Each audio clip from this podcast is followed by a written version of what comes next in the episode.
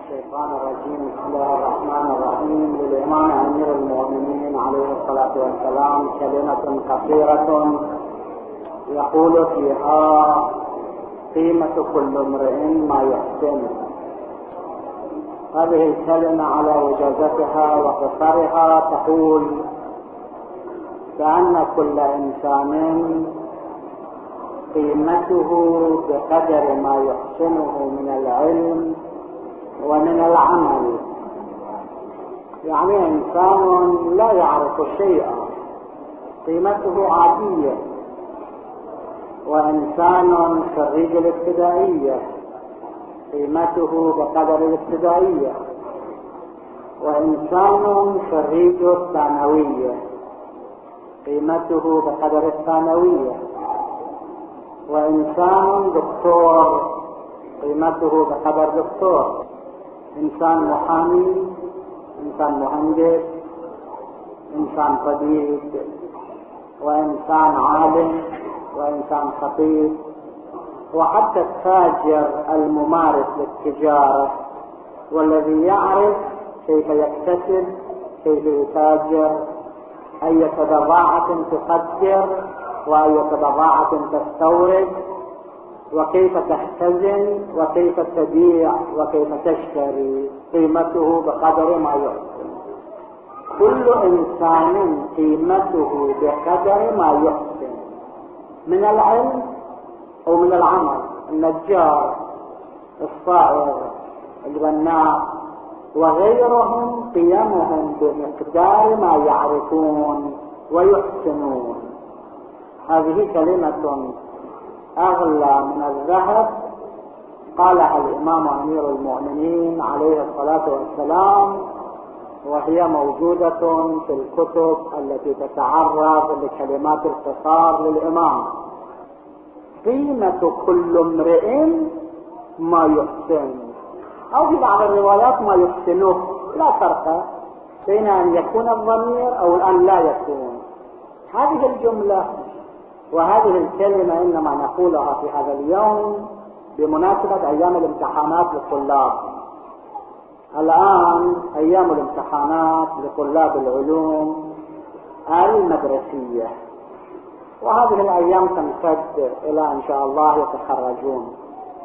هؤلاء الطلاب يجب أن يعلموا ويعلم آباؤهم أن قيمهم بقدر علمهم أما في وسط السنة الإنسان يذهب إلى المدرسة ولا يتعلم أو في آخر السنة ثم يتخرج وهو ورقة رسوب بيده. هذا معنى أسقط قيمة نفسه. ورقة النجاح. مو ورقة النجاح لازم أن تكون أولا على الصف يا شاب. ولازم أن تكون أولا في المدرسة. واللازم أن تكون أولا في قطرك لماذا ما في اهتمام؟ كل شيء موجود. ملحق. الحقيقة أنا أذكر وهذه القصة طويلة جدا. يعني لو أردنا أن نستوعب هذا الشيء يحتاج إلى أيام. علماءنا علماءنا اللي أنا أذكرهم شخصيا.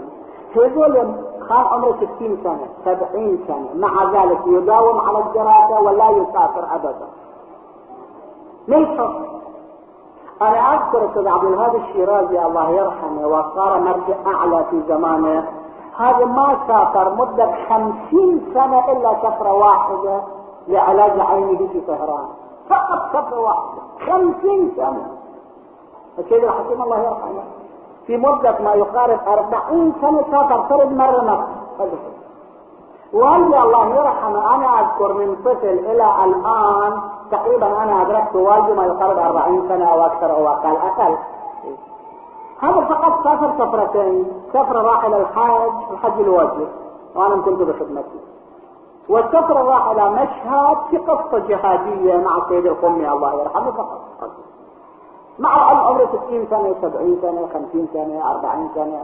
ناس كانوا يقولوا له لازم تشوف تسافر كذا. ابدا ما يسافرون للعلم. لتحصيل العلم لوجود العلم الإنسان لا يتمكن أن يستوعب العلم اعتباطا ما يصير لماذا نحن تأخرنا قيمة كل امرئ ويحسن الأشخاص الذين لا يفكرون في العلم وفي المعرفة وفي المطالعة وفي المدارسة وفي التصعيد على أنفسهم هؤلاء يتأخرون. خرونا في شبابنا في كل البلاد الاسلامية مو خاصة الكويت. أكو عندنا عالم عالمي. هل تسمعون؟ يوميا يفتحوا أخبار جهينة عصريات شوفوا كل العلم كل الصنايع كل الاكتشافات إما للغربيين وإما للشرقيين. لماذا؟ الاكتشافات في الطب الاكتشافات في الفلك الاكتشافات في جغرافيا الاكتشافات في التاريخ الاكتشافات في حفريات الأرض. ماكو أصلا. لماذا نحن لا؟ الحقيقة نحن لنا أغرب عادة في التاريخ من جهة العلم.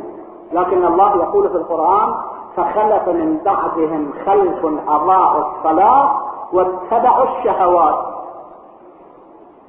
أكو كتاب ولا بأس أن تطلعوا هذا الكتاب 23 من أكبر علماء الغرب كاتبين هذا الكتاب. 23 الكتاب حول الامام الصادق عليه الصلاة والسلام.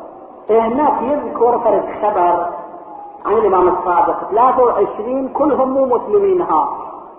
مو مسلمين. وكلهم دكتور مهندس شخصية مفكر كتبوا حول الإمام الصادق عليه الصلاة والسلام. هناك في هذا الكتاب يذكر هذا الخبر عن أبي شاكر. مع الأسف الكثير هذا أبو شاكر محاوراته مع الإمام الصادق موجود في كتبنا. من جملة البحار للمجلس محاورة هذا الرجل مع الإمام الصادق هذا كان من العلماء. محاورة هذا الرجل والإمام الصادق قصته قسم منها مذكورة في كتاب البحار للعلامة المجلسي وإن قرأناه في البحار. وقسم من المحاورة موجود في هذا الكتاب للمفكرين يقول هناك أن أول من اكتشف هذا علماء الغرب يقولونها مو إحنا المسلمين. يقولون أول من اكتشف أن في بدن الإنسان أحياء هو الإمام الصادق. كان علماء الغرب يتكلمون الرومان وغير الرومان الفلاسفة كانوا يتكلمون أن هذه المرأة إذا حملت الروح الجديد في هذا الجنين من أين يتولد؟ فكان قسم منهم يقولون أن هذا الروح الجديد في هذا الجنين شطر من روح امه يعني روح الأم 100 كيلو فإذا صار الجنين مثلا 99 كيلو من الروح يبقى للأم وكيلو من الروح ينبعث إلى الجنين. في هذا الظرف وفي الظرف أننا لم نستوعب هذا الشيء الإمام الصادق جاء وقال لأبي شاكر الديصاني لقبه هذا. هو أحد العلماء. الإمام وجد انسانا يتمكن أن يفهم فقال له قال اسمعوا. قال يا أبا شاكر إن في بدنك من الأحياء بعدد هائل كعدد حصيات الصحارى. إن في بدنك من الموجودات الحية بعدد حصيات الصحارى. كل في الصحراء هذه؟ بالمليارات.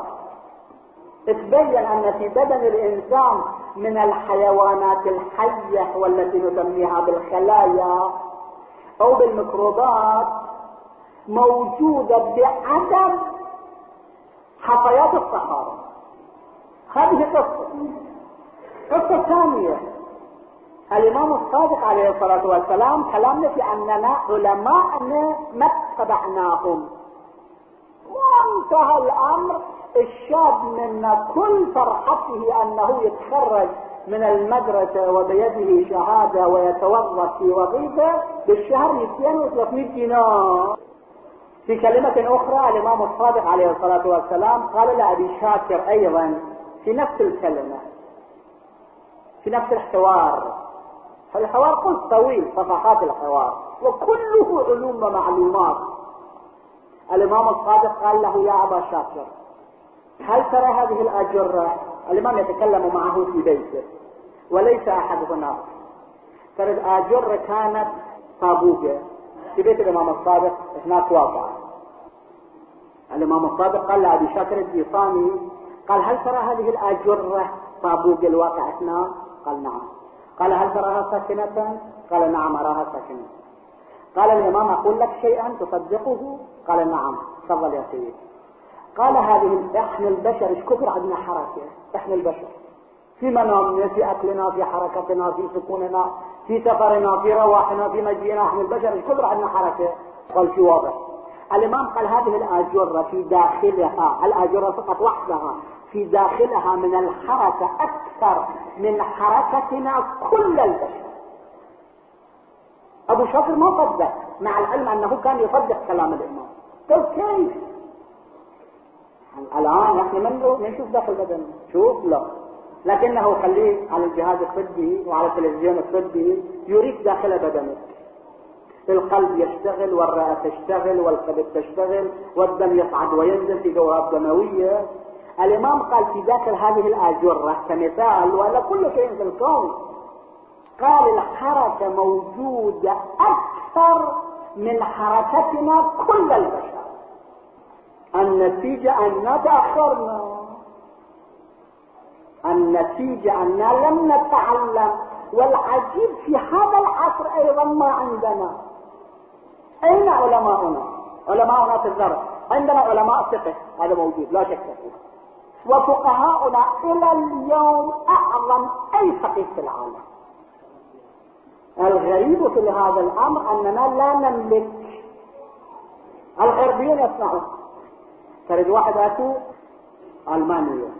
هذا يجي إلى إيران قبل خمسين سنة. اسمعوا يا شباب الذين تفكرون كلش في الوظيفة والفلوس والتخرج. هذا قبل خمسين سنة جاء إلى إيران وهو شاب خريج. اسمه ريش جرين. اسمه هذا العالم ريش جرين. جاء إلى إيران. بلا معاش بلا وظيفة بلا دفع سكونة بلا أي شيء. من أوتريشيا إلى إيران. يشوف نباتات إيران شنو؟ عدد النباتات في إيران. النبات الأزهار الأوراق الأشجار شنو هذا؟ جاء من أول إيران شرف. ريش جرين. في الخرق في البرد في المطر في الشمس بلا سيارة. كان يشيل أكله يروح في الصحراء في الجبل على سفوح البحار على مدن يروح هناك يوميا. ومعه جهاز تصويره. يشوف النباتات يكتبها في كتاب يصور النبات يكتب خصوصيات النبات يروح على منطقة ثانية منطقة ثالثة. كم مدة هذه الزين بقي هكذا ويقتنع بأقل الأكل ويقتنع بلحاف السماء وفراش الأرض. بقي في إيران أربعين سنة. لما انتهى هذا الشيء رجع إلى بلاده. قبل عشر سنوات القصة انتهت. رجع إلى بلاده وألف كتاب في 150 مجلد.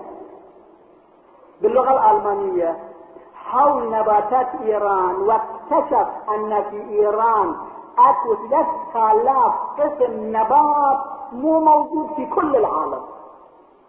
كلها أدوية الشاهد في أنه إحنا بس نعرف أنه دواء جاي من لندن من نيويورك نروح الناس تستعمل الدواء في أمان الله. المهم أنه واجب على شبابنا الدراسة. عندنا طلب العلم فريضة. فخلف من بعدهم خلف أضاعوا الصلاة واتبعوا الشهوات. هذا شيء. وجوب تحصيل العلم على طلابنا وأن يتفوقوا في الدراسة. مو شهادة وامتحان وانتهى. لا لا. هذا شيء. الشيء الثاني يا شباب الدين. دين دين. العالم بلا دين لازم تلقيه في البحر. البحر ينجس إذا ألقيته. فيه لو كان في العلم من دون التقى شرف لكان أشرف خلق الله إبليس. الدين على شبابنا الدين. يعرف الدين ما هو. قيمة الدين الدين. علم بلا دين؟ لا يسوى شيئا. الدين بلا علم لا يسوى شيئا. قسم ظهري اثنان. عالم متهتك وجاهل متنفس. الإمام قال قال قسم ظهري اثنان. قسم أهل اللغة يقولون تركيب بين هلالين يقولون أكو فرق بين القسم والفصل يقولون الفصل يعني تكسر شيء بلا صوت. يعني اذا اخذت السين. وقطعت ظهر إنسان بهدوء هذا يسمى فصلا الفاء وأما إذا أخذت الساطور وكسرته حتى يصغر الحس هذا يسمى قسما قسم ظهري إثنان عالم متهتك يعني عالم بلا دين وجاهل متنفس. يعني الإثنان لازم. شبابنا لازم العلم واللازم إلى جنب العلم الدين. معرفة الله الارتباط بالله الخوف من الله. من أراد عزا بلا عشيرة وهيبة بلا سلطان فليخرج من ذل معصية الله إلى عز طاعة الله. لذا الثاني الدين. الدين يسبب عزة الإنسان عند الناس وعند الله. عبدي أطعني تكن مثلي أو مثلي. تقول للشيء كن فيكون كما أقول للشيء كن فيكون. أنتم الأصدقاء الكويتيون قريبكم البحر وتعرفون هذا الشيء. في الأيام القديمة اللنشات أو اللنجات أو السفن كانت شراعية وما كانت بخارية. وهذه السفن الشراعية إذا وصلت في ساحة البحر في وسط البحر وأخذت العواصف والأمواج أي حال للإنسان ذات مرة كان الجماعة راكبين السفينة من هذه السفن الدين كلامنا كانوا راكبين من هذه السفن. سفينة توسطت في البحر. حيث تشرق الشمس على البحر وتغرب على البحر. فإذا ركبوا في الفلك دعوا الله مخلصين له الدين. يا الله يا كريم.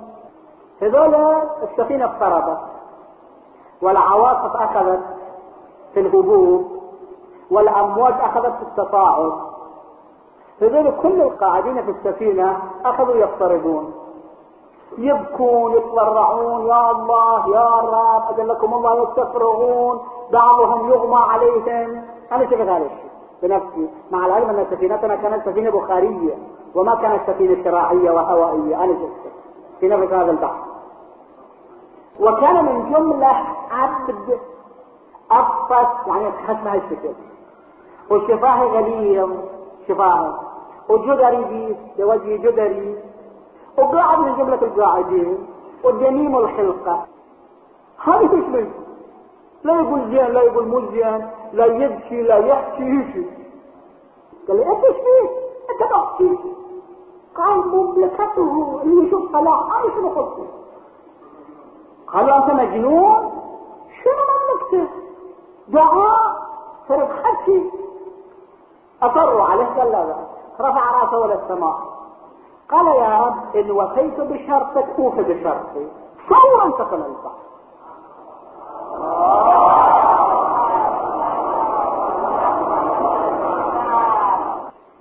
كفوا حوله قالوا انت النبي انت إمام انت شنو قال كل شيء لا أنا نبي ولا إمام. إن لله معي وأنا مع الله شرط. الشرط أنا أسمع كلام الله الله يسمع كلامي هذا هو. والآن قلت هذا الكلام قلت يا رب إذا أنا وفيت بشرطي سمعت كلامك انت اوف بشرطك اسمع كلامي خلي البحر يرتكز الله سمع كلامي. اللهم إني أسألك إيمانا تباشر به قلبي. حقيقة هذا دين روتين. الدين الروتين يعني كذب اللهم إني أسألك إيمانا تباشر به قلبي ولذا في الحقيقة من الضروري على شبابنا وعلى شيوخنا شيئان العلم من المهدي إلى اللحد. شيئان العلم والدين. إذا اجتمع هذان الشيئان ينطبق عليه كلمة الإمام أمير المؤمنين ما أحسن الدين والدنيا إذا اجتمعا وأقبح الكفر والإفلاس بالرجل ونسأل الله التوفيق لما يحب ويرضى.